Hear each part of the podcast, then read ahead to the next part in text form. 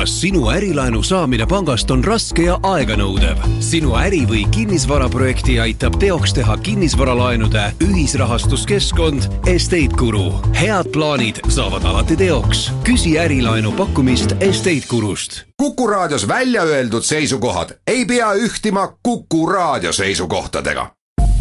Te kuulate Kuku raadiot eurominutid.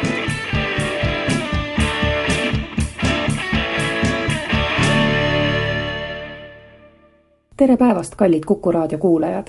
eetris on Eurominutid ja Kersti Kaljulaid.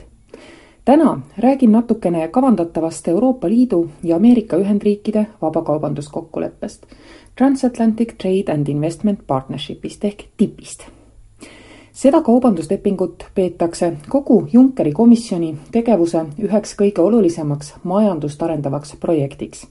no võib-olla Juncker ise arvab, et äh, Junckeri fond on tähtsam, aga reaalselt, ma arvan, võib tõesti öelda, et äh, selle vabakaubanduslepinguga saavutaks Euroopa mõningase läbimurde kaubandussuhetes Ameerika Ühendriikidega. kui valitseks rahuliku arenguperiood, siis me ilmselt loeksime tipi läbirääkimisuudiseid alailma ajalehtede esilehekülgedelt. aga nojah, elu Euroopas on parasjagu nagu tema on. siiski ei ole see majanduslikult oluline teema päriselt unarusse jäänud. Mitte, et selle lepingu läbirääkimised kuidagi väga hästi sujuksid tiivalt segavad lisaks palju operatiivsematele teemadele ka konkurentsi ja maksujuhtumid, mida Euroopa Komisjon uurib ja kus uurimise alla satub parandamatult ka Ühendriikse taustaga ettevõtmisi. Kuigi arvuliselt on komisjoni uurimise all väidetavasti rohkem Euroopa taustaga business't, siis välja paistab ikka väga hästi see, kui rappida kas Google'it või Apple'it või midagi muud sellist maailmas laialdast leviala omavat. on selge, et tipp ehk siis vabakaubandusleping Ameerika Ühendriikide ja Euroopa Liidu vahel peab olema valmis tänavu enne kui Barack Obama ametist lahkub. Isegi kui Ühendriikide järgmine president ei ole Donald Trump, vaid on Hillary Clinton, ei ole mõistlik jätta sealpool Atlandit praegu asuvat võimaluste akent kasutamata. samamoodi on olukord Euroopas, kuigi see võib-olla niimoodi ei tundu, et tegelikult on just praegu, kaks tuhat kuusteist, suhteliselt rahulik aeg aga kaks tuhat seitseteist läheb valimiskampaaniateks nii Prantsusmaal kui Saksamaal mõlemad Euroopa suurriigid pelgavad suletuse ja natsionalismi toetuse kasvamist, mis muudab keeruliseks siis kampaania ajal transatlantiliste kaubandussuhete arendamise. kuigi, nagu kirjutab Ökonomist, on riikide majandused tegelikult alati vabakaubandusest ja globaliseerumisest võitnud, ei ole ühiskonnas see arusaam väga laialt levinud ja ta ei ole laialt levinud sellepärast, et seda võitu ei ole paljudes ühiskondades kuigi õiglaselt jagatud ja see ongi vesi suletuse toetajaile. vaesema otsa rahvas, kelle töökohad ja palgad on löögi all, pole globaliseerumisest nii palju kasu näinud kui keskklass ja rikkamad. tõsi, ka nemad saavad osta odavamat tarbimiskrappi, aga ka kaunis korralikke tooteid, mis pärinevad Hiinast ja mujalt Aasiast väga ja väga paljud kaubad, millest vaesema keskklassi inimesed ilma Aasia odavtootmiseta osa ei saaks, on elu loomulik osa ka seal kus sööki alati ei jätku. kuid töökohtade kadu ja stagneerunud sissetulek väikesepalgaliste hulgas torkab ikka inimestele enam silma.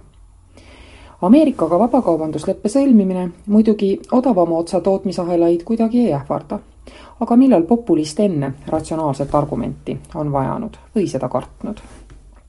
Ajaleht Politico juhtis tähelepanu, et kahekümne neljandal aprillil toimub Hannoveri messil Obama, Merkeli ja Euroopa Komisjoni voliniku Celia Malmströmi kohtumine. Obamat saadab muidugi ka USA Euroopa kaubandusesindaja Michael Froman.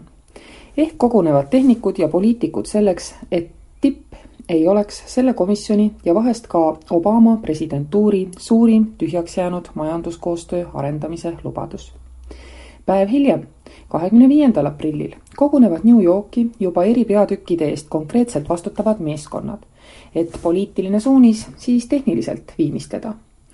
Merkel, kui tuli see kahekümne neljanda aprilli kohtumine jutuks, tegi ühildus, ühisavalduse IMF-i ja Maailmapanga juhtidega, milles rõhutas transatlantilise kokkuleppe olulisust ja lubas, et kahe tuhande kuueteistkümnendal aastal tehakse selles asjas väga suur edasiminek kõik presidendikandidaadid Ameerikas samal ajal annavad rõõmsasti tuld juba sõlmitud sarnaste kaubanduskokkulepete pihta.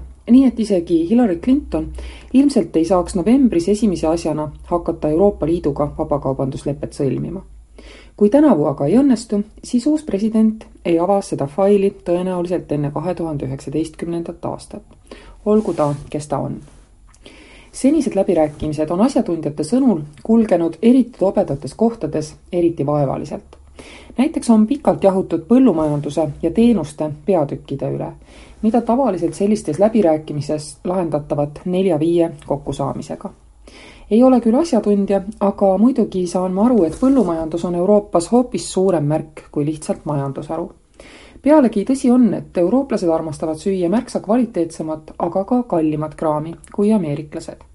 iseasi on, kas on vaja turgu selle pärast kaitsta, sest ega ikka prantslane ei hakka korraliku reblochoni asemel ostma mingisugust viiekilost odavat plokijuustu või jooma ohjeldamatult California veine Euroopa Komisjon, nii nagu ka juhtivad äh, respublikaanid Ameerika Kongressis, siiski arvavad, et sisu sellel lepingul on tähtsam kiirusest lisaks närivad tipi üle läbirääkijad pidevalt küsimused Euroopa Parlamendist, kus ei taheta nõus olla läbirääkimiste protsessi, selle suletusega.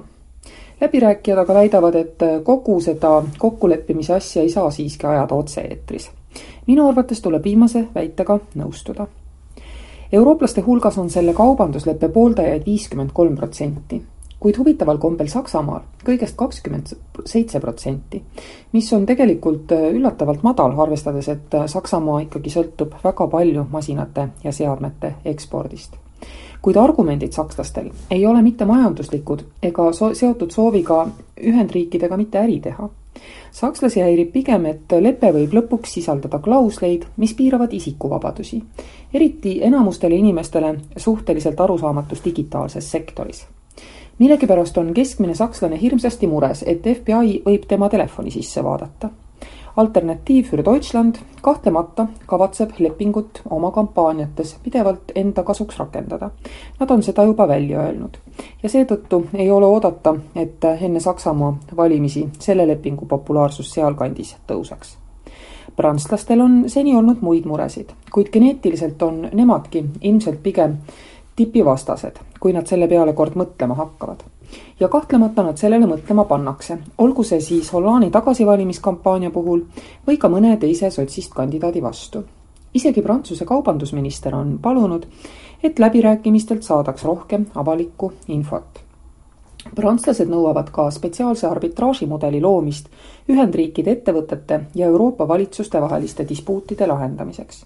Nemad kardavad, et muidu peavad eurooplased Ameerika kohtutes kuskil vaidlemas käima ja see vähendab Euroopa valitsuste otsustusvabadust minister ütleb selgelt, et ilma sellise mehhanismita ei ole prantslaste arvates üldse mõtet edasi rääkidagi ka Marine Le Pen teeb teadagi juba soojendust, et kaubandusleping Euroopa ja USA vahel oma euroskeptiliste väidete tõestuseks ette võtta.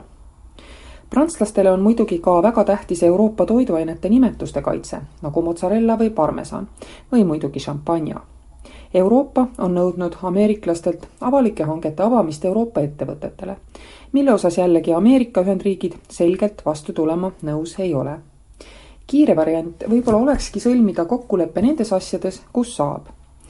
võiks proovida sellist äh, niinimetatud Kanada mudelit. Euroopa Liit leppis Kanadaga poliitiliselt lepingu kokku juba aastal kaks tuhat neliteist, kuid tehniliste detailide täpsustamise sildi all on kuni tänini ikka veel seda dokumenti täiustatud mis variant ka tuleb, ma arvan, et väikese avatud majandusega Eestile oleks hädasti vaja, et mingisugunegi vabakaubanduslepe Euroopa Liidu ja Ameerika Ühendriikide vahel tuleks. Kuulmiseni jälle järgmisel nädalal. eurominutid